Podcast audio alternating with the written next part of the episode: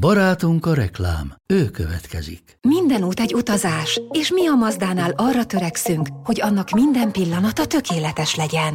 Mazda CX-5 utolsó széria, 194 lóerős, két és fél literes mild hibrid benzinmotorral, akár milliós kedvezménnyel, vagy kedvező finanszírozási feltételekkel elérhető. A finanszírozást az Euroleasing nyújtja, THM 4-től 4,9%-ig. A tájékoztatás nem teljes körű, a részletekről érdeklődjön márka kereskedéseinkben. Mazda, Crafted in Japan. Ez reklám volt. Szerettük.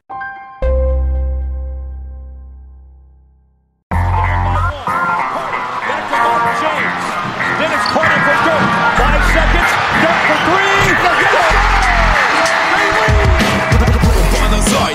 Egyszer a végén, ha battog a spalding Minden nap élmény, blokkok és zsákok Na gyere megmutatom, ez NBA szerelem Keleten, nyugaton, robban a zaj Nincs egyszer a végén, ha battog a spalding Minden nap élmény, blokkok és zsákok Na gyere megmutatom, ez NBA szerelem Keleten, nyugaton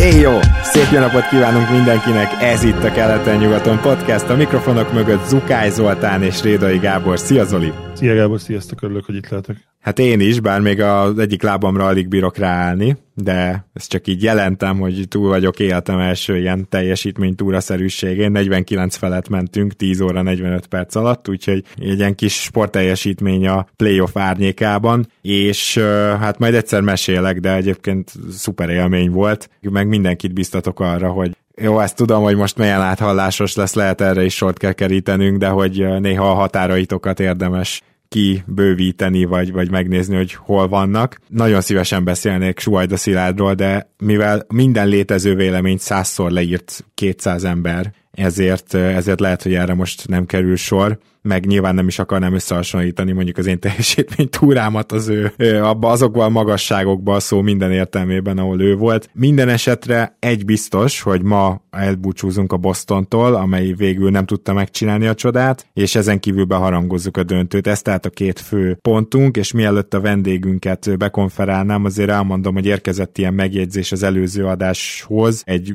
abszolút azt hiszem patronunktól és évek óta a hallgatónktól, hogy hát, hogy miért nem foglalkoztunk inkább a keleti döntővel, azért, mert sajnos pénteken vettük fel azt az adást, és tudtuk, hogy nem tudunk vele kijönni pénteken, tudtuk, hogy csak szombatra jön ki, és nem tudhattuk azt, hogy nem jut-e tovább már is a Miami mondjuk 4-2-vel, és nyilvánvalóan nem lett volna sok értelme így azt a párharcot kielemezni. Ez most egy kicsit szerencsétlenül jött ki, elnézést kérünk, de ma ettől a párharctól is elbúcsúzunk, mert egy történelmi párharc volt, tehát nem csak a Bostontól, és mindebben segítségünkre lesz. Kedvent egyzőnk, Kocsti. Gedei Tibor, hey ho! Köszönöm szépen a felkonferálást, és köszönöm szépen a meghívást. Gratulálok neked a, a túrához, mi azért tartottuk a kapcsolatot, ugye a túra előtt is elmondtad, hogy nagyjából mi vár és a túra után pedig tényleg kifejtetted, hogy hogy élted túl. Én őszintén én nagyon büszke vagyok rád, mert én nem biztos, hogy túléltem volna, és nem csak a közel 50 km miatt, hanem a körülmények, amiket elmondtál, azok tényleg olyanok, hogy le a kalappal előtted. Úgyhogy Jimmy Butler után te vagy most jelenleg a második kedves sportolom. Yeah! Köszönöm szépen! Én is üdvözlök, Tibi, és hát Gábor fegyver tényéhez nekem annyi hozzáfűzni valami, hogy szerintem én a max, amit valahol mentem, az olyan 15 kilométer volt, és hát nem emelkedőn, ha jól tudom, ez egy ilyen dimbes, dombos, hegyes szakasz volt, úgyhogy ez még inkább rátesz egy lapáttal. Ugye kérdezte Gábor tegnap a csetten, hogy ez hány lépés, az ilyen 61 ezer lépés. De szerintem még az is inkább ilyen betonnal számolva.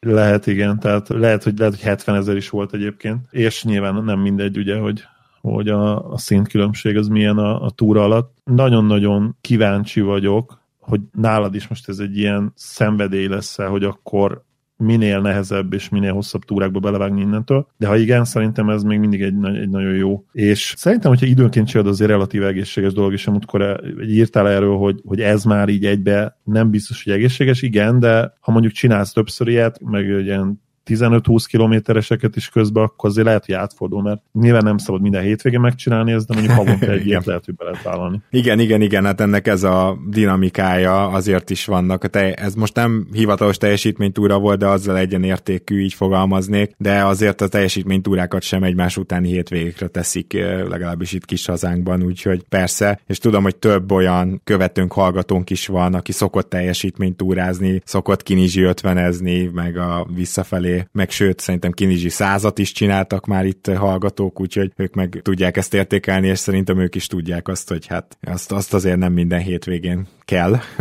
a szervezetnek. Hát egy egészen elképesztő maratonon van túl a Boston is, és ezt most így nem csak erre a egy darab hétmeccses szériára értem, hanem ha belegondolunk, akkor előtte az Atlanta ellen volt egy meglepően hosszú, majd a Philly ellen egy nagyjából várt hétmeccses széria is, tehát egy félelmetes playoff futás ez valahol, és nem tudom, hogy vagytok vele, és először akkor Tibi téged kérdeznélek, hogy nagyon fontos ilyenkor a reakcióinkban szerintem, hogy a pillanat hevét így elfelejtsük, mert hogyha, most mondok két végletet, hogyha kiesik 4-2-vel a Philly ellen, ami ezt szerintem tökre közel volt a Boston, tehát hogy a az simán benne volt abban a hatodik meccsben, hogy azt a Fili nyeri akkor valószínűleg a Boston búcsunknál ilyen egészen kardinális kérdéseket is felteszünk, meddig lehet így menni, Mazzulát sokkal jobban elővesszük, mint amennyire most fogjuk szerintem. Tehát, hogy lehet, hogy az afelé torzította volna, most meg ha megcsinálják a csodát, akkor gyakorlatilag mindenki erről dalolna.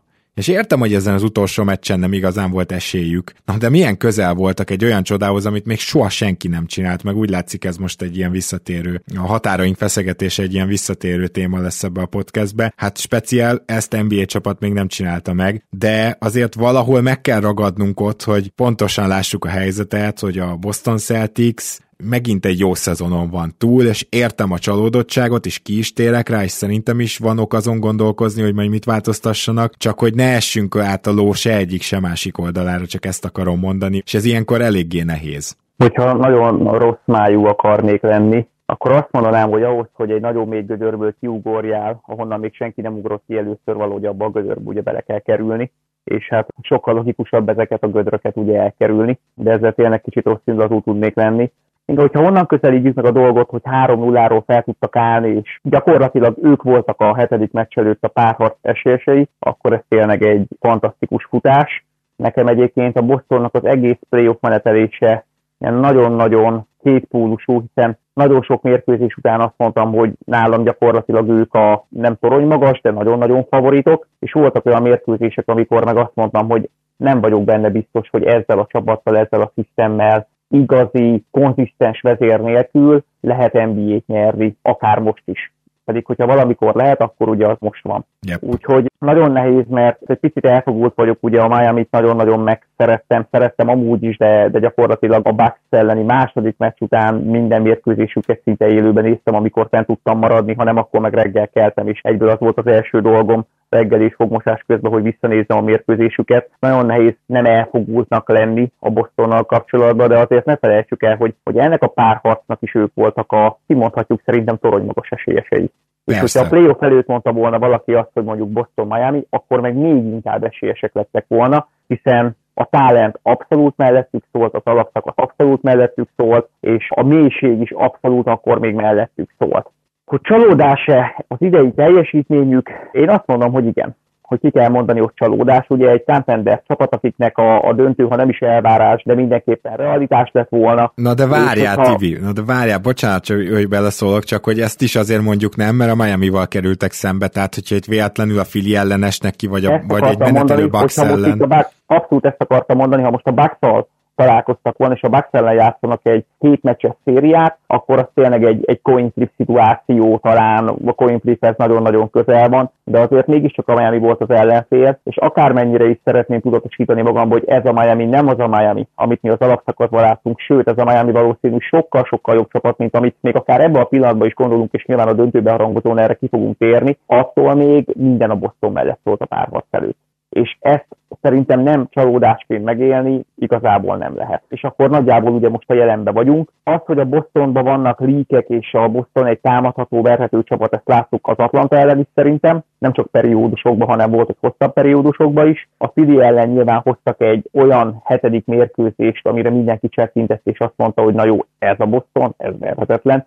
és ezt tartom is, hogy az, amit ott láttunk tőlük, mind védekezésben, mind támadásban, az tényleg egy verhetetlen kategória volt, de hát ott nyilván ugye póker nyelven élve ugye nekik osztották a lapot, ott ugye tényleg minden összött, még a fili oldalán semmi. És összességében ez a párharc, ez szerintem annyira jó párharc volt, mind szakmailag, mind szurkolói szemmel, mind élvezeti szempontból és mind izgalmi szempontból, hogy nagyon-nagyon sokat fogunk róla beszélni, és alakulhatott volna ez teljesen másképp. Itt lehet most a miami a mentális erejét dicsérni, vagy a mentális erejét felmagasztalni, vagy azt, hogy a Boston esetleg itt a végén egy picit összetört. Én nem gondolom, hogy itt ilyen mélységbe le kell menni. A Boston is tudott volna ezen a mérkőzésen nyerni, ebben biztos vagyok, és a sportban nincsen, ha, hogyha Tatum nem sérül meg gyakorlatilag, nem akarok ilyeséget mondani, 40. másodpercben menti a bokája, igen, valami igen, ilyesmi. Igen gyakorlatilag az első vagy a második pozíciónbe, hogyha a Miami csak egy hangyányival rosszabb dobó formát fog ki, ez most már csak történelem, a Boston kiesett, a jövőjük szerintem egyébként biztosított és abszolút irigylésre méltó nagyon-nagyon sok franchise-tal összehasonlítva, de a jelen jelenleg az, hogy, hogy idén nem sikerült nekik, pedig hatalmas esélyük volt, hogy döntőt játszanak. Igen, de úgy dobnám Zolinak át a szót, hogy azért mégiscsak megint bebizonyosodott, hogy a nagy számok törvénye az az a bizonyos szabály, ami miatt egyszerűen nem lehet 3 0 fordítani, mert nem létezik, hogy ne legyen egy olyan meccs, amikor a gép az dobja ki, hogy a, az a csapat, amelyik ugye 3 0 felment, az a következő négy meccs során egyszer se dobjon igazán jól úgy, hogy a másik mondjuk csak közepesen vagy rosszul dob, vagy valaki rossz napot fog ki, vagy a Tétumnak kimegy a bokája. Tehát, hogy ez úgymond a nagy számok törvénye az, ami megakadályozza a csapatokat a 3-0-ról fordításban, pedig itt minden adott volt, mert a talentben jobb csapat került alulra, a talentben jobb csapat állt nullával, és el is fogyott a Miami, egyre jobban fogyott, aztán Gabe Vincent sérülése pedig tényleg rátette egy lapáttal, de Larry is csak csoszogott már, Butler is lelassult, tehát hogy ennél nagyobb lehetőség nem tudom, hogy mikor lesz a csodára, mint ami ez volt. Ugye mondtam az előző előtti adásban talán, hogy van valami furcsa megérzésem, hogy itt dráma lesz, és végül tényleg dráma lett, de hogy, hogy ez mennyire nem volt tényleg semmilyen kézzelfoghatóra alapozva, én teljesen biztos voltam a hetedik meccs hogy a Celtics egy blowout-tal fogja lezárni a párharcot. Ez képest a hit nyert blowout kollektíve tényleg összecsinálta magát a Celtics, nem lehet ezt a, főleg a kezdés másra fogni. Én értem, és olvasva azokat, meg hallgatva azokat a kritikákat, hogy a Celticsnek gyakorlatilag nincsen kiforrott támadójátéka, persze, ez tényleg így van, és időnként azt érzi az ember, hogy ezekben a kilátástalan dobásokba bíznak, és ha éppen megy aznap, akkor gyakorlatilag legyőzhetetlenek, ahogy Tibi mondta, ha nem, akkor pedig bárkitől kikaphatnak. De ennél azért nyilván árnyaltabb, ezek nem voltak szerintem rossz dobó lehetőségek. Nagyon kíváncsi leszek majd a, a shot quality chartra, hogyha kijön Twitteren, még nem láttam délután. Nem lepne meg, hogyha, hogyha simán megnyerte volna a Celtics ezt a csatát, a shot chartot, vagy legalábbis közel szoros lett volna, és a shot quality végeredmény szoros lett volna. Hát szorosabb, mint az eredmény, igen, ez elég gyanús, mert ugye igen, az, az szinte garantált. Azt hiszem az első két meccs, amit elvesztett a Celtics, ott megnyerték ezt a shot quality igen. versenyt például. Én is úgy emlékszem, igen, és azt kezdtem el nézni egyébként, mert hogy a Celtics lejátszott több olyan meccset, és ezt már a Hawks ellen éreztem, hogy hát nem létezik, hogy bajnokcsapat lejátszon egy ilyen meccset, és kerestem így először fejben, hogy egy csapat lehetett az, akinek voltak ilyen meccsei, több ilyen meccs és végül mégis bajnok lett, és egyet találtam egyébként meglepő módon, az szintén a Celtics volt 2008-ban, nem tudom, emlékeztek-e. Egyrészt ugye hét meccset játszottak az első körben a Hawks ellen is, illetve a második körben a Cavaliers ellen is, ugye akkor már LeBron gyakorlatilag MVP volt, lehet, hogy már ténylegesen is MVP volt, és abban az évben ő nyert, bár szerintem az volt szerintem Kobe éve, 2008 minden esetre ott voltak hihetetlen meccseik, tehát konkrétan megnéztem nektek, vagy magunknak. Az első körben Nagyjából a verességek is szorosak voltak, de ugye nem tudtak egyszerűen idegenben meccset nyerni, és végül a hazai hetedik meccsen kellett lezárni. Viszont a Cavaliers ellen volt egy 24 pont elveszített mérkőzés, illetve volt egy olyan meccs, ahol 69 pontot dobtak, ami még abban az érában is azért Igen. hihetetlen volt, mert 70-es meccsek viszonylag sűrűn előfordultak. Clevelandnek is volt több, konkrétan három ilyen meccs ebben a párazban, ahol 70 plusz pontot dobtak, de 69 azért az nagyon durva volt már akkor is és tényleg ezt a két arcú teljesítmény nyújtották szinte végig. A döntőben talán már nem ott elég konzisztensek voltak, és végül ugye ezen a bizonyos hetedik meccsen verték a Los Angeles Lakers. Én teljesen ezt vártam ettől a Celtics-től is, de az, az igazság, hogy, és itt visszacsatolva Gábor, hogy az, amivel kezdtél, hogy nem fogjuk annyira kritizálni őket, mint hogyha mondjuk kiestek volna a Hawks ellen, ami, ja, hát amiben, igen, amivel egyetértek egyébként, de ugyanakkor meg több mérkőzéses mintánk van most már arról, és most már azért ez egy nagyon nagy minta, mert ez a csapat nagyon sikeres abban, hogy tűz közelbe jusson, de nem tűnik túl sikeresnek abban, hogy át is menjen azon a tűzön. Uh-huh. Megégnek valahogy mindig, és most már felmerült, ugye Mészáros Péter barátunk, aki szerintem az egyik legnagyobb NBA koponya itthon, ugye szemimester mellett, ami a CBA-t illeti, de az egyéb véleményeit is nagyon-nagyon kedvelem, és azért kedvelem a véleményeit egyébként, mert soha nem, nem jellemző rá szerintem egyáltalán az, hogy ilyen megfontolatlan véleményt hozzon, nem szokott szerintem nagyon túlreagálni dolgokat, és ő teljes mértékben meg van győződve arról, hogy, hogy a Tatum-Brown duót szét kell szedni, és abban is, amivel én maximálisan egyetértek, és ezzel dobom visszafelétek a labdát, hogy Brownnak így az utolsó évében, ugye egy év van még hátra, a csereértéke a liga felé, liga irányába nagyobb érték, mint Brown érték a Celtics számára. Én is erre a következtetésre jutottam, és ehhez viszont szerintem kellett három kör, és nem lett volna elég az, hogyha kiesnek korábban. Már csak azért is, mert ugye az Atlanta szériában még Brown tűnt a legjobb játékosnak Bostonban, szóval hogyha ebbe így belegondolsz, akkor hova jutottunk el, és oda jutottunk el, hogy egyre inkább olyan ellenfelek jöttek, mert a playoff nem az erősségekről szól, a playoff a gyengeségekről szól. Ha van gyengesége a csapatodnak, ha van gyengeség a játékosnak, azt kihasználják, és minél jobb ellenfél, annál jobban kihasználja. Ugye ez a különbség az alapszakasz és a playoff között, ha tényleg egy mondatba kéne megfogalmazni. És ugye egyre inkább olyan ellenfelek jöttek, akik ki tudták azt használni, hogy Brownnak semmilyen playmakingje nincs, és még mindig nincs igazán jó, vagy elit ballhandlingje. És ugye Tatum folyamatosan fejlődik ebben a kettőben, és én is szoktam néha mondani, hogy na ácsi, ácsi, de ő még messze nincsen, még csak Durant szintjén sem ez ügyben, pedig még Durant sem tartozik az elitbe, a labdát leütő vingek között, de azért közelít, közelít, és ezt el kell ismerni Tatummal kapcsolatban. Brownnal kapcsolatban meg azt lehet elismerni, hogy igen, egyre jobban kihasználja az atletikusságát, egyre egyre több látványos zsákolást láttunk, egyre jobb scorer lett, és ennyi, és itt véget ért a fejlődésének a története. Szóval szerintem igenis ez a következtetés helyes, és bár azt mondtam, hogy talán nem kell annyira kritizálnunk, vagy nem kritizálnánk most annyira, mint hogyha a fili ellen kiestek volna, de ez nem jelenti azt, hogy ne értenék egyet azzal, amiket mondtál, mert Brownnak, hogyha Igaz az, már pedig szerintem logikus gondolat, hogy most a csereértéke még nagyobb, mint amilyen értékkel a Boston számára bír, akkor most kell körbenézni a piacon. Mert a nagy probléma az, hogyha most nem cseréled el, akkor meg kéne hosszabbítanod. Ha nem hosszabbítod meg előre, akkor ugye az problémát jelent majd az öltözőben. Akkor mégiscsak úgy vagy úgy, hogy Brown nem tudja a saját jövőjét. Tehát, hogy ennek a nyárnak ilyen szempontból döntő jelentősége lesz, és akárhonnan nézem, Jalen Brownért, hogyha egy olyan csomagot kapsz, amiben van mondjuk egy jó playmaker, vagy egy, vagy egy olyan fiatal sztár, aki vele hasonló értéket képvisel, és beilleszthető a Celticsbe, akkor azon el kell gondolkozni. Tibi, te hogy vagy ezzel a Brown-Tatum párossal, illetve szerinted túl túlságosan végletes ez a következtetés?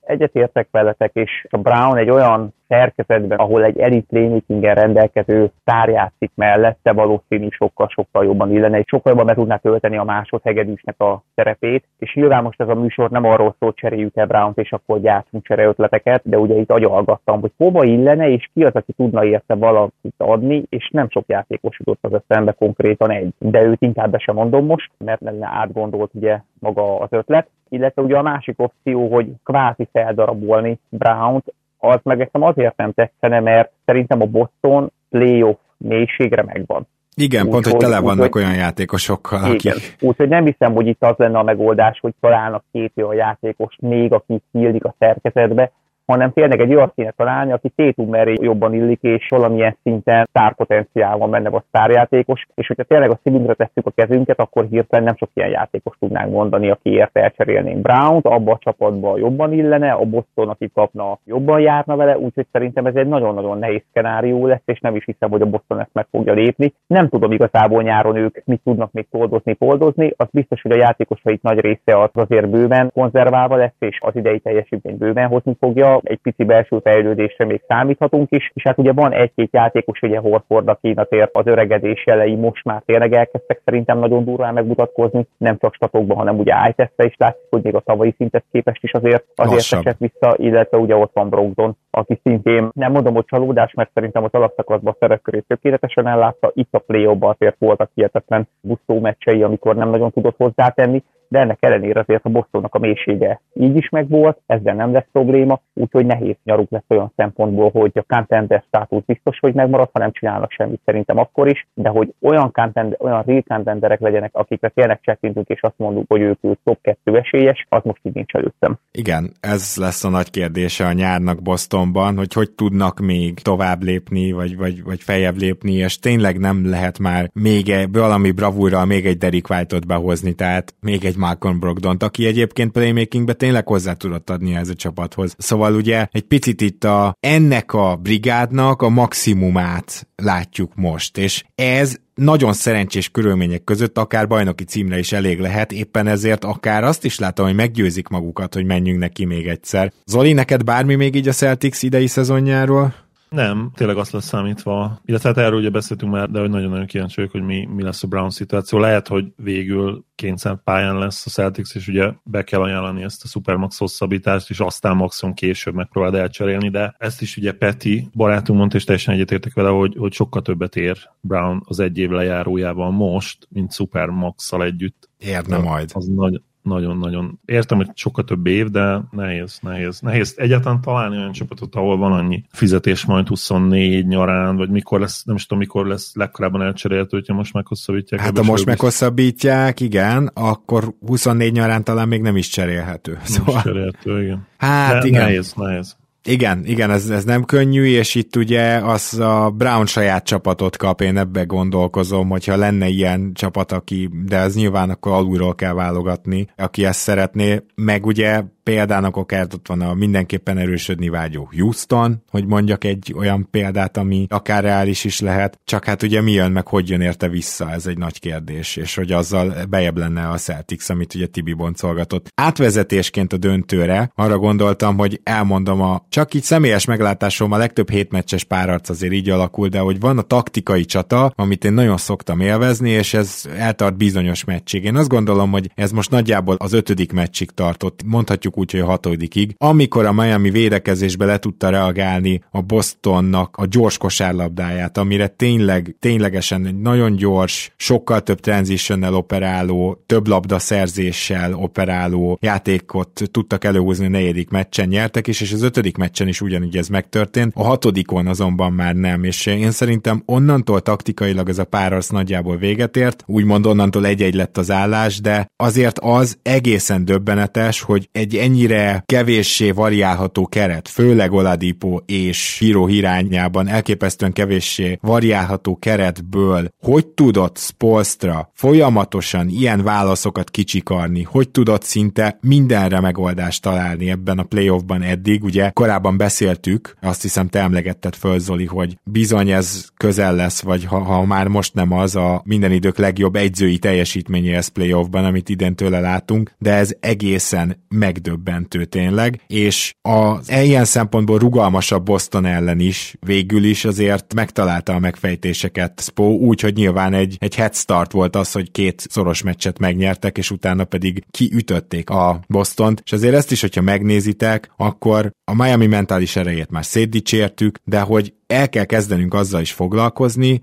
hogy ez a csapat taktikailag többre képes, mint amit kinézünk a keretből. És azzal is el kell kezdenünk foglalkozni, és talán akkor Tibinek dobnám a szót, mert tudom, hogy van mondani valója ez ügyben, de biztos Zolinak is lesz, hogy itt bizony ezek a játékosok, ezek Spo alatt elképesztően megtanulták a kosárlabda alapjait. Olyan dolgokat csinálnak jól, olyan apróságokat, ami csak tényleg nagyon vágyszeműek. Tudom, hogy ilyen nincs, és hogy mekkora képzavar, és hogy milyen groteszk, de most értsétek jól. Szóval, hogy a, a Horror Editionben mondanám ezt, hogy vágyszeműek vehetik észre.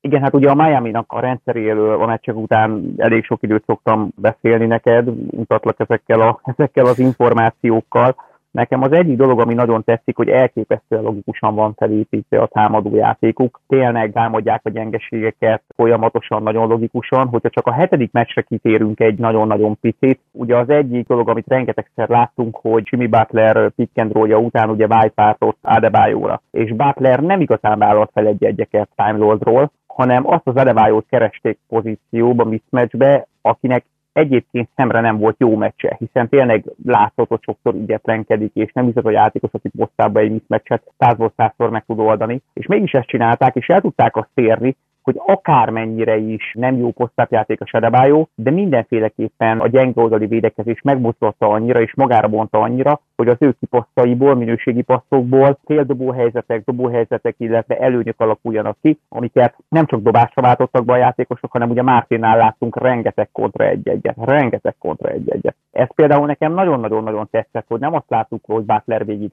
és megpróbálja a félmiszmeccset. Még úgy is, hogy nyilván Robbie Williams nagyon-nagyon jó védő ellene is, őt azért nem könnyű megtámadni, de ennek ellenére nem is nagyon próbálta meg ezeket erőltetni, hanem Adebayot erőltették. Az is nagyon-nagyon tetszett, hogy a tranzíciós játékuk Adebayo passzkészségére épül, és sok esetben ugye top of the key fent a három pontos közepén ő kapja a labdát, út a többi játékos kint van, és nagyon-nagyon egyszerű mozgásokkal, olyan katokat, illetve kat helyzeteket, illetve olyan, olyan féldobó helyzeteket tudnak generálni, amikből tudják folytatni egyszerűen a, a támadást, vagy nagy Isten könnyű gólokat tudnak dobni. Sőt, Duncan Robinsonnál emlékszünk legalább kettő van most így a fejembe, ugye 5 órát aludtam, és ugye nemrég még a mérkőzést néztük, amikor wide open zicsereket dobott, hát ugye ehhez két dolog kell, az egyik az, hogy hihetetlenül olvas az ellenfél védekezését, a másik pedig ugye Adebayo-nak a passzkészsége, ami fantasztikus, és lehet, hogy csak 12 pont 10 lepattanót és 6 asszisztot hozott össze boxkorstatokba, illetve lehet, hogy ájtesztre tényleg úgy tűnt, hogy sokszor radog a kezébe a labda,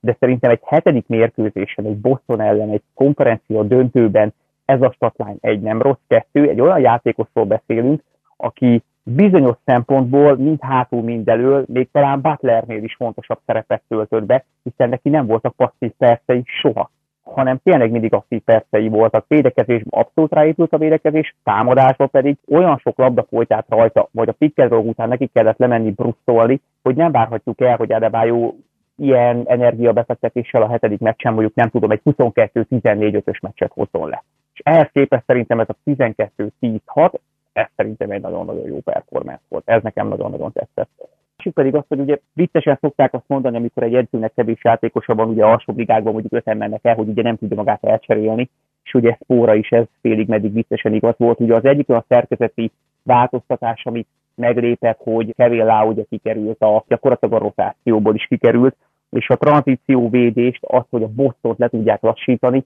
ezzel azért nagyjából én úgy gondolom, hogy meg tudta oldani, hiszen ugye egy forráút egy 4-4-4 idézőjelbe kis emberes szerkezettel játszott a hit, és elképesztően energikusak voltak, gyorsak voltak, és vissza tudtak kérni. Védekezésbe closeoutokat gyönyörűen megcsinálták, a rotációt élmény volt nézni. Nagyon-nagyon tudatosan feladták azokat a játékosokat, akiket fel kellett adni, még akkor is, hogy esetleg azok a játékosok a széri alatt volt olyan meccs, hogy betaláltak, ugye gondolok itt például Mátra. Ez is nagyon-nagyon tetszett nekem. Jimmy butler hogy használják, az is fantasztikus, hiszen alapjávéve ő annyira önzetlen játékos és annyira szisztembarát játékos, hogy ő tényleg abszolút a, a szisztemet játszotta, és amikor picit ez elakadt, vagy amikor meg kellett általból valamit oldani, akkor azért valljuk meg őszintén, az utolsó két-három meccsen nem is volt igazából hatékony, de ugye magára tudta vállalni. És amit érdemes volt még megfigyelni, hogy amikor őt ergo eldugták gyenge oldali sarokba, hogy egy picit pihenjen támadásban, ő akkor sem kint kempelt, kint állt, és akkor várta a csodát, hanem szinte minden egyes esetben a weak side fordba ment, a gyűrű alá lement, megpróbálta a támadó lepattanót leszedni, vagy csak megnehezíteni a védő lepattanózás dolgát, vagy csak megakasztani ott már a tranzíciót és a gyorsjátékát a Bostonnak. Ezek kicsi apró dolgok, de ezt Butler gyakorlatilag nem tudom, 44 percen keresztül csinálta, szóval végig, amikor a pályán volt, ő is teljes mértékben aktív volt. És hát a Miami játékosait tényleg dicsérhetjük szerintem naposztat, hiszen fantasztikus, hogy ezekkel a nevekkel ilyen eredményt lehet elérni. Ami biztos, hogy az összes pályára lépő játékosnak a kosárlabda ítélje hihetetlenül magas. És hogyha mondjuk Mártint emeljük ki, akkor neki például tényleg azt láttuk, hogy day by day, napról napra az NBA 2K rétigje tényleg növekedett. És olyan dolgokat láttunk tőle fejlődés színszó alatt, amiket nem is biztos, hogy kinéztünk volna. És a másik ilyen játékos ugye Duncan Robinson volt, akit ugye tudtuk, hogy egy kegyetlenül jó shooter, egy nagyon jó spotás shooter és egy nagyon jó kecsensú shooter, és látunk tőle 9 asszisztos meccset. Látunk tőle kontra egy-egyet, látunk tőle extra védekezéseket. Úgyhogy valamit miami nagyon jól csinálnak, és el kell fogadnunk, hogy ezek a játékosok, ezek lehet, hogy 1 millió 900 ezer dollárt keresnek, ezek a játékosok ennél sokkal jobbak. Mondjuk azt szeretné a Miami, hogy ez Duncan Robinsonra is speciál igaz legyen, amit mondtál, de abszolút nem csorbítja az érvelésedet. És Zoli szerintem mi meg úgy mehetünk bele a tranzícióba szó szerint a Denver felé, hogy egyébként a Denvernek ha nehézséget jelenthet a Miami, akkor pont az a nehézség, hogy ez a csapat tökéletesen játszik. Tehát, hogy egyértelműen itt is a Denver lesz az esélyes a szériában. Nem lehet kérdés, nem lehet ezt máshogy megfogalmazni, és botorság is lenne. De arra számíthat a Denver, hogy az ellenfele tökéletesen fog játszani. Hogyha ez nem elég arra, hogy a Miami Heat bajnok legyen, akkor nem elég, de nem nagyon valószínű, hogy olyan meccseket látunk majd a Miami Heat-től, amikor a Denver hátradőlhet, mert nem kell meg megerőltetnie magát.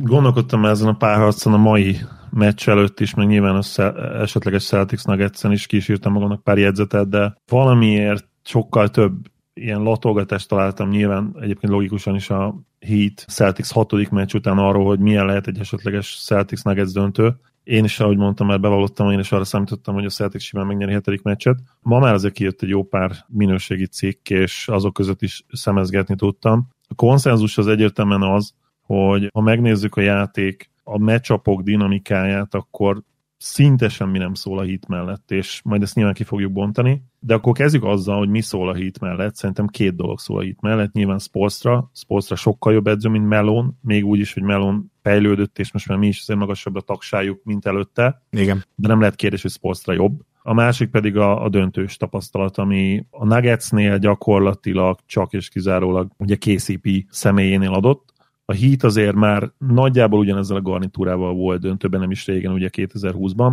Ez a két dolog. De hogyha egyébként megnézzük azt, hogy hogyan játszik a két csapat, ha megnézzük az ellenfelek átlagos erősségét, ha végigvesszük azt, hogy a Nuggets gyakorlatilag fordulóról fordulóra jobb, kezdtek egy szá, ugye az, az alapszakaszban 116,8-as offenzív ratingük volt, az első körben 117,2-es, a második körben 120-as kereken, és a konferencia döntőben, ahol elvileg a legjobb védekező csapattal találkoztak, ott 122,3. Tehát gyakorlatilag minden egyes párharcban jobb és jobb és megállíthatatlan volt ez a támadó gépezet, masina, és alapvetően ez fogja meghatározni, nyilván a, majd lebontjuk, ahogy mondtam a meccsapokat, de, de ez, hogy, hogy ez a hihetetlen konzisztens, szörnyeteg offense, ez bármilyen szinten megállítható-e, és itt sem sok minden szól amellett, hogy igen, ugye pár adalék 2016 óta nem nyert Denverben a hit. Vicces mellékzönge, hogy akkor egyébként azon a meccsen Jokic és Murray még a padról jöttek. Emellett a Nuggets az egész ligában gyakorlatilag a legjobb a zóna ellen, vagy ugye másodikak statisztikailag, de hogyha a playoffot is belevesszük, akkor gyakorlatilag a legjobb.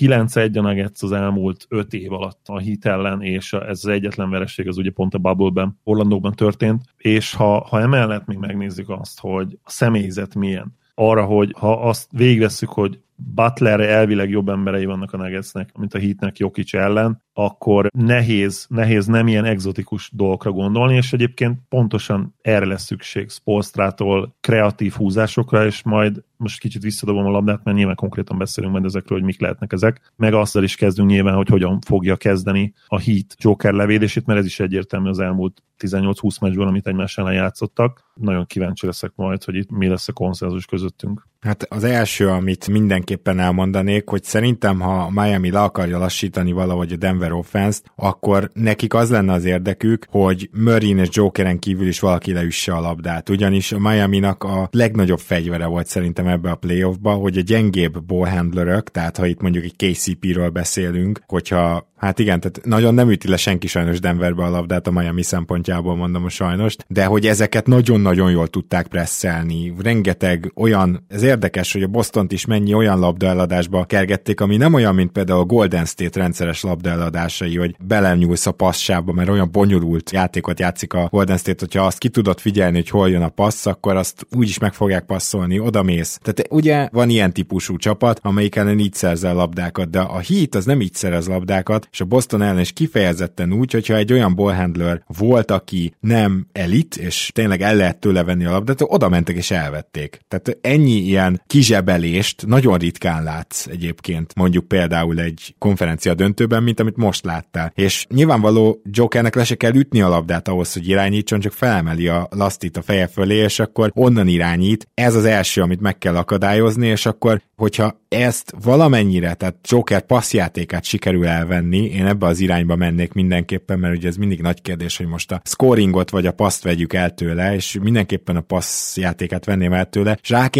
rákényszerítem arra a Denvert, hogy üsse le a labdát, akkor viszont itt nem csak egy Dennis Schröder lesz. Mert ugye azt szerintem bármelyik Denver játékos megerősítene abban a hitemben, hogy Dennis Schröder volt az egyetlen, aki labdást tudott úgy nyomás alá helyezni, hogy az kényelmetlen legyen a Lakersben. Na itt viszont lesz három-négy Dennis Schröder. Tehát, itt, uh, itt, itt ha becsatlakozhatok, bocsánat, tehát itt nagyon fontos, hogy igen, tehát hogy nagyon jó helyen jársz, és nagyjából tudjuk, hogy mi lesz itt a Miami terve. Ugye a Heat az egy olyan csapat, amelyik switch amelyik szeret elcserélni védekezésben. Joker ellen abszolút nem csinálják ezt. Az összes screen közül, amit, amit Jokic ellenük az elmúlt években adott, 8%-ban cserélték el, és hogyha megnézzük ezt, akár a top 50 screener ellen. A top 50 ellen az NBA-ben 28%-ban cserélték el, Joker ellen 8%-ban, és ennek nyilván az is az oka, hogy ha nem cserélsz gyorsan és hatékonyan, Joker szétszed. Hogyan próbálják megakadályozni a passzjátékát, a másik dolog az, hogy nem fogják duplázni. Tehát vélhetően így fog elindulni a párharc, hogy, hogy Adebayo megpróbálja a tőle telhetőt Jokic ellen. A 20 posztabb szituációból, amit Jokic idén ellenük játszott, egyetlen egyszer küldtek egy erős duplázást ellene, és akkor is valószínűleg azért, mert egyébként Boya volt a, a fő védő, az a, ja. az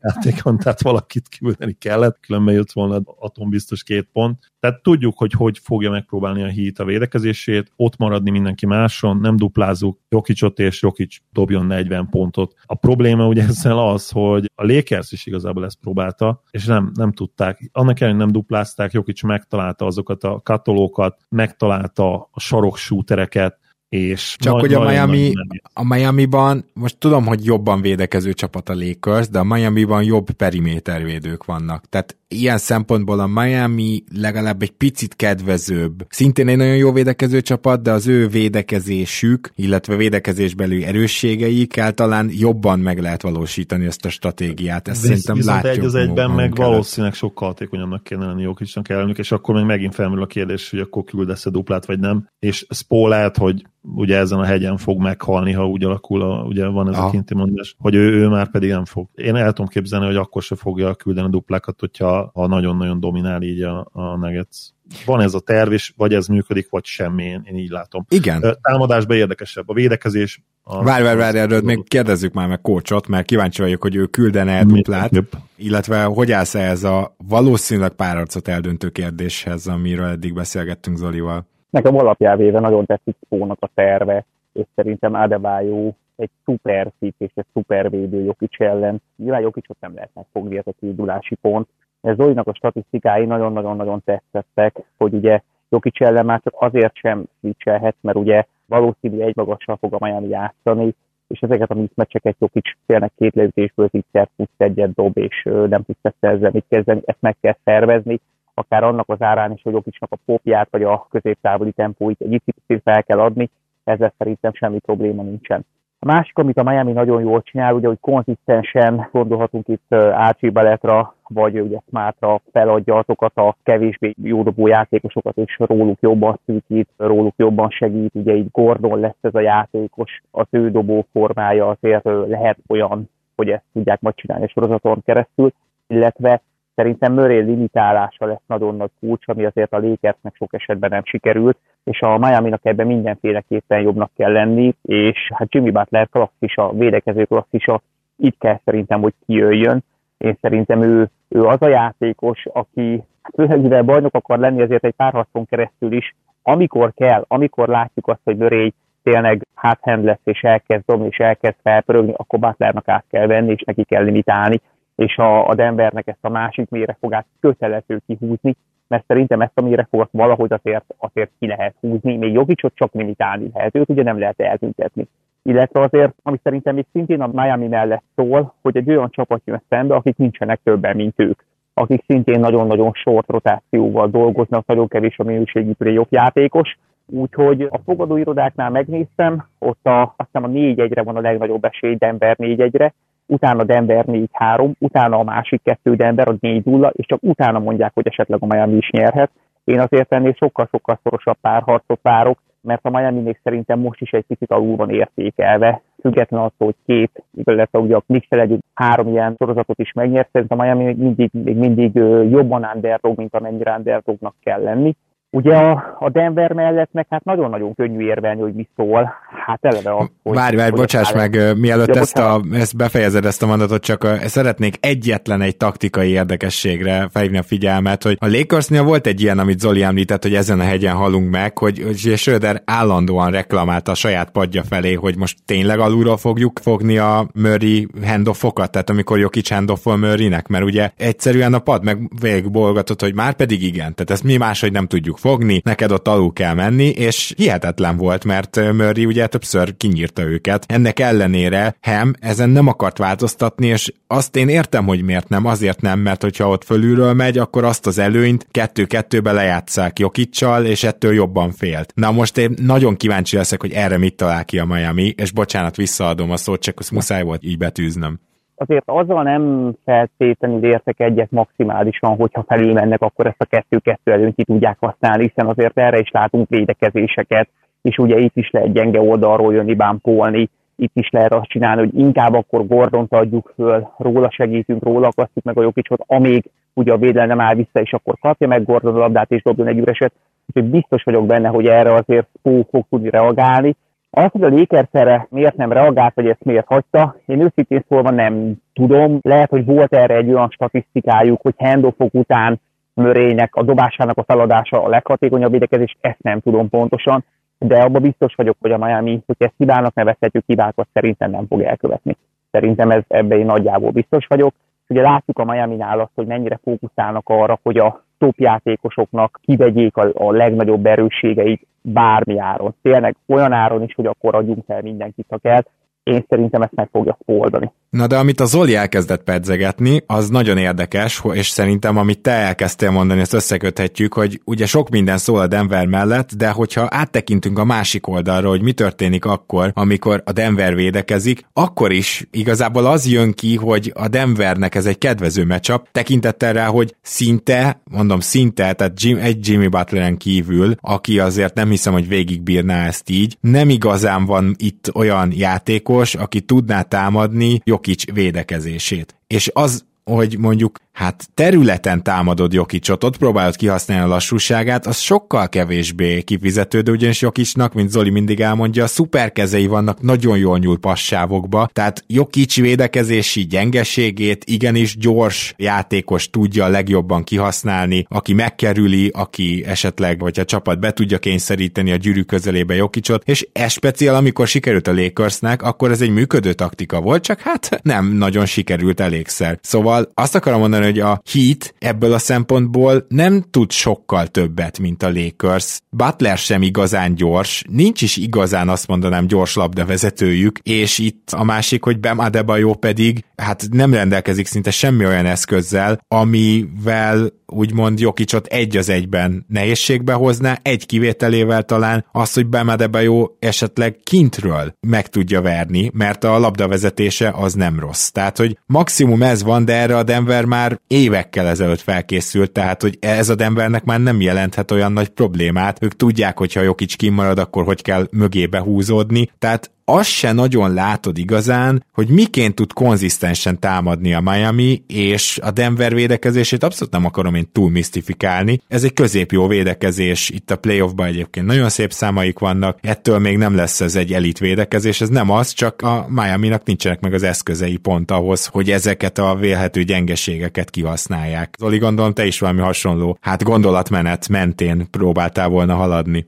Igen, és itt visszautalnék arra, amit Tibi mondott, amit én is szerettem volna még felhozni, ugye, hogy opció lehet Butlert ráállítani. A Murray Jokic two-man game-nél a, ugye az irányítóról labdakezelőre, de ezzel meg úgy vagyok, hogy ha az első meccstől ráállítod Butlert Murrayre, akkor hogy a fenébe fog neki energiája maradni arra, hogy támadásban olyan teljesítményt tudjon nyújtani, amivel lehet esélye a hitnek. Tehát ez az alapvető problémám, hogy még ezt a védekezési taktikát is szerintem átírja az, hogy Butler egyszerűen a támadó oldalon van szükség. Ennek a hitnek találnia kell egyszerűen minden egyes meccsen annyi pontot, hogy legyen esélye megnyerni, és ez kicsit leegyszerűsítve hangzik, de gyakorlatilag ezt láttuk mindenki más ellen, mert a Denverről tudod, hogy ők találni fognak idézőjelesen 110 pontot egy valószínűleg egy rossz estén is. És de ha csak nagyon... százat, mert azért itt lelassult a playoff. Lehet, hogy százat sem talál a hit, az a baj. Plusz ugye a Denver és ebben Jokic nagyon-nagyon jó, hihetetlenül nyomja a tempót. Tehát olyan gyorsan játszanak most ebben a play-ban hazai pályán is, és könnyű kosarakat tudnak vele szerezni. Itt szerintem abszolút bejöhet az, hogy, hogy a Heat, nem néztem most meg, de kb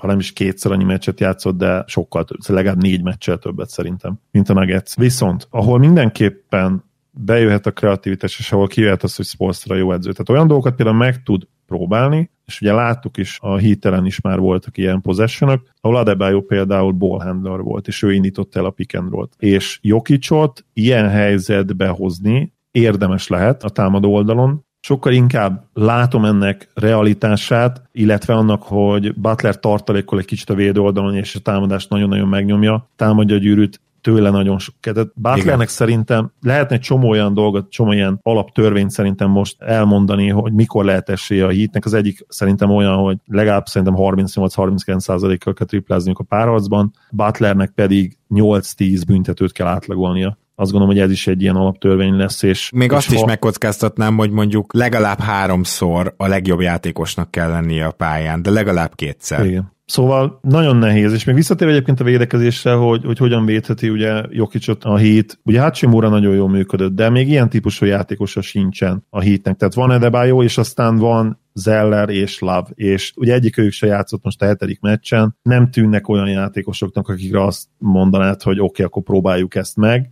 Még, még, még Highsmith leginkább, nem? Talán esetleg ő, igen, de ő meg szerintem azért kicsi és könnyű. Hát, meg támadásban Ahhoz, ugye uh, óriási mínusz. Igen. Ez lehet szerintem tényleg a legjobb taktika, hogy a Heat olyan elánnal támadja a gyűrűt, ami tényleg a csövön kifér. Tehát ez kell Vincenttől, ez kell Butlertől, és ez kell Adebayo-tól is. Tehát amit mondtál, Adebayo face játéka lehet olyan jó, hogy megkerülje párszor Jokicsot, hogy falt gondokba kerges. Ugye beszéltünk a Lakersnél, hogy hogyan lehet esélye a Lakersnek, ugye az egyik legjobb taktika az lehet, hogy Jokicsot falt problémába kergessék. Na itt most szerintem ez még hatványozottabban kijön. És ezek mind-mind-mind kellenek, és szerintem ezen felül arra is szükség van, hogy a Nuggets megjegyen a téttől, hogy kijöjjön az, hogy nekik nincsen döntős tapasztalata, mm, amivel mm ahogy mondtam, hogy tehát még a zóna ellen is egyszerűen sokkal jobb a Nuggets a zóna ellen, mint az átlagos csapat. És ráadásul Ugye 1,21 pontot átlagoltak a zóna ellen ebben a szezonban, a Heat ellen 1,66 pontot, ami egészen elképesztő. És ami azt is mutatja egyébként, hogy ez az 1,21, ez több lenne, csak nem jár, nincs olyan még egy olyan csapat, ami annyi zónát játszik, mint a Heat, tehát hogy érted, hogy ott, ott valószínűleg sokkal több zónát kaptak a nyakukba, Igen. és még, uh, még jobbak lettek. Tehát. Igen, ha már így a meccsapokról beszélgettünk, és így közeledve, hogy a végéhez, beszéljünk egy kicsit arról is, hogy és ez nem exakt tudomány lesz, de, de én abszolút úgy érzem, és erre van történelmi példánk, hogy ha nagyon sokat ül egy csapat a konferencia döntő után, akkor kezdheti rozsdásan a párharcot. Ugye a, a Lakers a Fili ellen 2001-ből egy nagyon jó példa, kilenc nap maradt ki a Nuggetsnek, kilenc nap, az rengeteg idő. És ahhoz, hogy ez egy komoly párharc legyen, és legalább lássunk hat meccset, hanem hetet, szerintem az kell, hogy az első meccset megnyeri a hit, és ők lendületből jönve egy rozsdás, és itt talán még kalkulálhatóan rozsdás, mondjuk ilyen 25%-kal triplázó Nuggets ellen az első meccsen valahogy behúzzanak egy low scoring meccset. És ha ez megtörténik, még utána sem mondanám azt, hogy ez feltétlenül egy nagyon szoros párharc lesz, de szerintem ez az első fontos lépés ez, és akkor tényleg érezhetné a tétet a Nuggets, ugyanis a Nuggets hazai pályája az egészen elképesztően komoly előny. Ha ebben a párharcban, és tegyük fel, megnyeri valahogy a hit az első meccset, mondjuk ebben a forgatókönyvben, a másodikon nagyon nagy nyomás lenne nuggets mert tudják, hogyha ők kétszer ezen a hihetetlen hazai pályán kikapnak, akkor onnan nagyon-nagyon nehéz lenne, és ott tényleg egy ilyen mázsányi kőgolyó lenne rajtuk, így kollektív, hogy mindenkinek a vállal egy mázsányi kőgolyó. Szerintem ez kell ahhoz, hogy ez egy komoly párharc legyen. És ugye a hit meg elhiszi magáról most már. Hát most nyilván a mecsapok számítanak sokkal többet ennél mondatnál, mint amit most fogok mondani, de egyáltalán nem merném de facto kijelenteni, hogy a Denver jobb csapat, mint a Boston.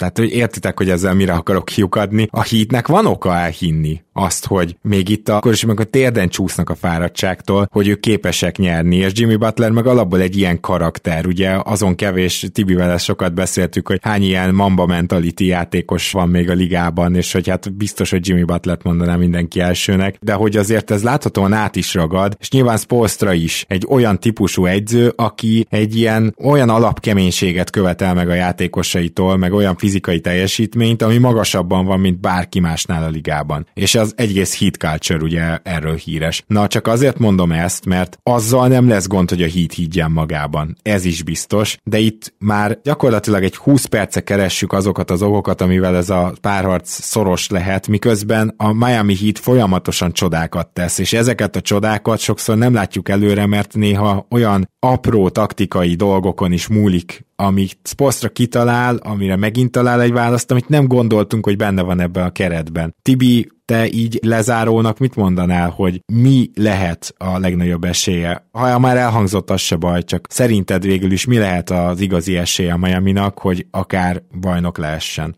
Hát Sportra röviden azt, hogy ő kitalálhat tényleg olyan dolgokat, amiket most nem is biztos, hogy látunk. Egyébként szerintem azt, hogy Adebayo Jokicson végezzen extra munkát, és leginkább az asszisztjait limitálja is támadó lepattanót, nem nagyon engedjen neki. Az, hogy egyetértek Zolival Butler nyilván pihentetni kell védekezésben, és nem lehet mörét fogatni 40 percen keresztül, de szerintem crunch time igenis rá fog állni, hiszen ezt láttuk kb. minden párharc, hogy a legjobb formában lévő játékos Butler fogja a végén, és ki tudja szedni, és bele tudja kergetni nehéz dobásokban. Az, hogy ne derüljön ki, hogy ez a utóbbi egy hónap, ez csak valami upswingja a miami és hogy ezek a játékosok túl teljesítenek, hanem derüljön ki azt, hogy ezek a játékosok tényleg ennyire jó játékosok, gondolok itt tényleg GB Hetre, Mártéra, Strassra, vagy akár Strassra, igen, vagy Duncan Robinsonra, és azt, hogy a támadó játékát valahogy a Miami oldja meg, amit eddig megoldott a Boston elleni párharca harangozájába emlékszem, hogy ezt írtat úgy, vajon hogy fog a Miami támadni, és hát láttuk, hogy megoldották, abszolút megoldották. Nekem is tetszik az, hogy Jokicsot kell támadni, sokfajta képen, Adebayo egy-egyet támadni kell, Jimmy Butler pick and rollból, utána ISO-ból támadni kell, és Butler ezeket viszont be tudja majd váltani számára komfortos 3-4 méteres tempókra, amikből azért nehéz meccset nyerni, de vannak olyan szakaszok, főleg rendszerben, amikor ezek nagyon-nagyon-nagyon értékes dobások tudnak lenni, az, hogy Martin és Vincent támadja egy-egybe pick and rollból a fletet, ahogy tudja, lendületből, akár még a picit fejleszegve, használják ki az atletizmusukat, kergessék bele faultókba, kergessék bele abba, hogy aktívnak kell lenni védekezésből szépen fáradjon, hogy ne tudjon a Miami futni, és tudja a tranzíciókat jobb is levezényelni egész mérkőzésen keresztül, mert akkor tényleg 135 pontokat fognak dobni. Nagyjából ezek a dolgok kellenek szerintem hozzá, és azért én erre látok esélyt, hogyha tényleg a, a józan észre hallgatok, akkor azt mondom, hogy, hogy ez tényleg Denver kellene, hogy legyen. De hát ugye ezek a párharcok, ezek azért, ezért megmutatták, hogy ezt a Miami-t ezt nagyon-nagyon nehéz lesz az értékén kezelni. Szerintem még akkor is, ha mondjuk bajnokok lesznek. Nekem nagyon-nagyon sok ismerős mondta, hogy majd a Boston is megfordítja, meg még emlékszem a Bucksnál is, hogy hát majd jönnek, megfordítják, meg hát az a Miami azért ne vegyük annyira komolyan, komolyan kell őket tenni és valószínűleg ezek a hangok akkor sem fognak elcsendesülni, hogyha Miami bajnok, mert akkor meg azt mondják, hogy ez egy egyszeri alkalom volt. Nekem nagyon-nagyon szimpatikusak, én egyébként nekik fogok szurkolni, még úgy is, hogy a Denver is egy hihetetlen szimpatikus csapat. Uh-huh, de a tippet azért mondja a végére, Tibi, mert ja, elérkeztünk ide.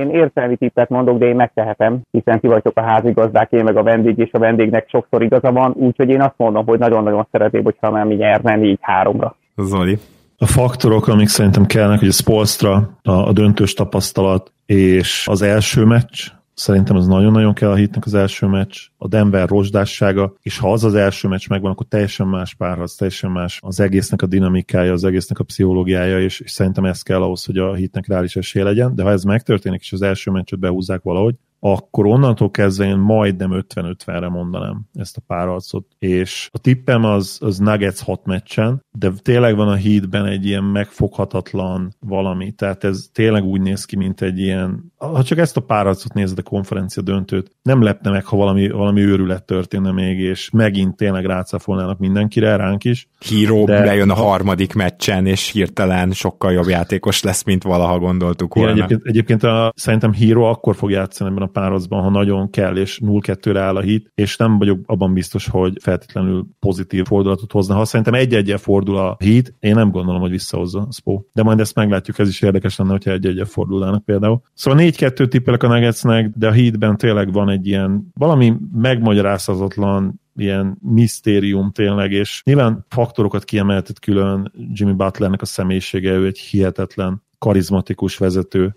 akinek tényleg elhisznek mindent, és akinek megbocsátják azt is, hogy nagy a pofája, és minden egyes meccs előtt az utolsó négy meccsen ígérte a győzelmet, és garantálta, de elnézik neki, mert tényleg elhiszed, hogy ő minden egyes alkalommal elhiszi, és ez is kellett szerintem ahhoz, hogy ő már akkor nem, nem lett más, hanem ő Jimmy Butler maradt a hetedik meccs előtt, és ugyanúgy bemondta negyedjére is, hogy már pedig most le fogjuk zárni, és lezárjuk, és ez kellett, hogy érezzék a többiek is, és arra leszek kíváncsi, hogy, hogy milyen lesz az ő, milyen nyilatkozatai lesznek a döntő előtt, hogy ugyanezt felvállalja, mert ha esetleg nem, akkor nekem már az is egy kicsit ilyen, ilyen rossz jel, hogyha nem ez a nagy pofájú valaki lesz majd Jimmy Butler a következő két napban, nagyon-nagyon kíváncsi leszek. Tegnap még picit visszafogta magát, mert azt mondta, hogy még most éjfélig megünnepeljük ezt, és utána megnézzük a Nuggets meccsapot, és akkor már meg fogom tudni nektek mondani, hogy hogyan próbáljuk majd megállítani Jokicsot. És nagyon kíváncsi leszek, hogy mennyire jön ki belőle ez a macsó, mert belőle kinézem, hogy ugyanezeket a dolgokat fogja elmondani, és még akár azt is, hogy meg is csinálja. Úgyhogy Jimmy Butler nem lehet leírni ebben az évben. Az All-Star szünet óta elképesztő, és bár meglepő lenne, de nem lenne sokkoló, szíveszem, hogyha ez a döntőben is kijönne, de ennek ellenére racionalitás az, az Nuggets-et mond, és azt, hogy lezárják hat meccsen valószínűleg ezt a párharcot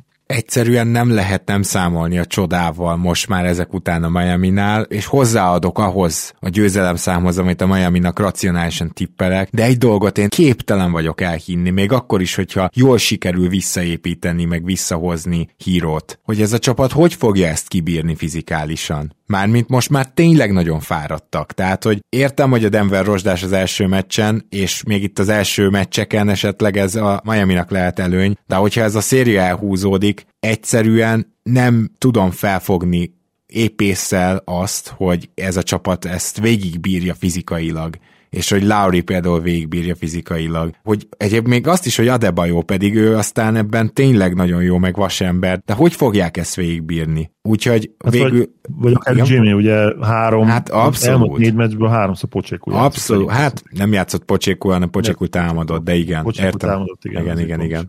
De igen, tehát abszolút egyetértek veled. Tehát mindezt megnézve, ha már 4-2-t mondtál, és én nem mondhatok, akkor azt mondom, hogy 4-3-ra nyer a Denver, csak azt akarom ezzel hangsúlyozni, hogy szerintem itt most olyan terhelésnél jár a Miami, amit már nem lehet túlélni, így ezzel a szűk játékos kerettel. Gedei Tibor, nagyon szépen köszönjük, hogy itt voltál, coach, és különösen azt, hogy egy picit elemezted nekünk a Miami játékát, azért az egy extra betekintés volt, úgy gondolom, amit talán Zolival mi idáig nem tudunk betekintést mutatni a kedves hallgatóinknak, úgyhogy azért meg extra és ezer köszönet, és minden bizonyal döntő alatt is találkozunk majd veled. Nagyon-nagyon szépen köszönöm a meghívást, nagyon élveztem, és mindenkinek jó szurkolást kívánok. Sziasztok! Tibe, én is köszönöm, hogy itt voltál, és a szakértelmeddel segítettél minket. Nagyon-nagyon várom ezt a döntőt. Két nap. Hát Örülök, igen. Hogy itt lettem. Szia Gábor, sziasztok! És akkor én is elköszönök végül, bár javítom Zoli előző mondatát, mert egy nap, mire kijön ugye a podcastünk, úgyhogy még ti annál is kevesebbet kell, hogy várjatok, mint mi itt a felvétel pillanatában, és hát természetesen igyekszünk jelentkezni, ha nem is minden meccs, de biztos, hogy minden második meccs után, de azt hiszem a tavalyi döntőben majdnem sikerült az összes meccs után jelentkezni, úgyhogy igyekezni fogunk, illetve természetesen majd már lassan ráfordulunk a draftra, tehát arra is készülgetünk itt közben, úgyhogy lesz program bőven, és hát remélem, hogy egy minőségi döntőt látunk, még akkor is, ha esetleg mondjuk nem hétmeccses, ha nem úgy alakul a párharc, és én azt gondolom, hogy a két csapat eddigi menetelése alapján erre tényleg nem csak hiú remény van, úgyhogy jó szórakozást kívánunk nektek, köszi, hogy velünk tartotok, nagy pacsi, sziasztok!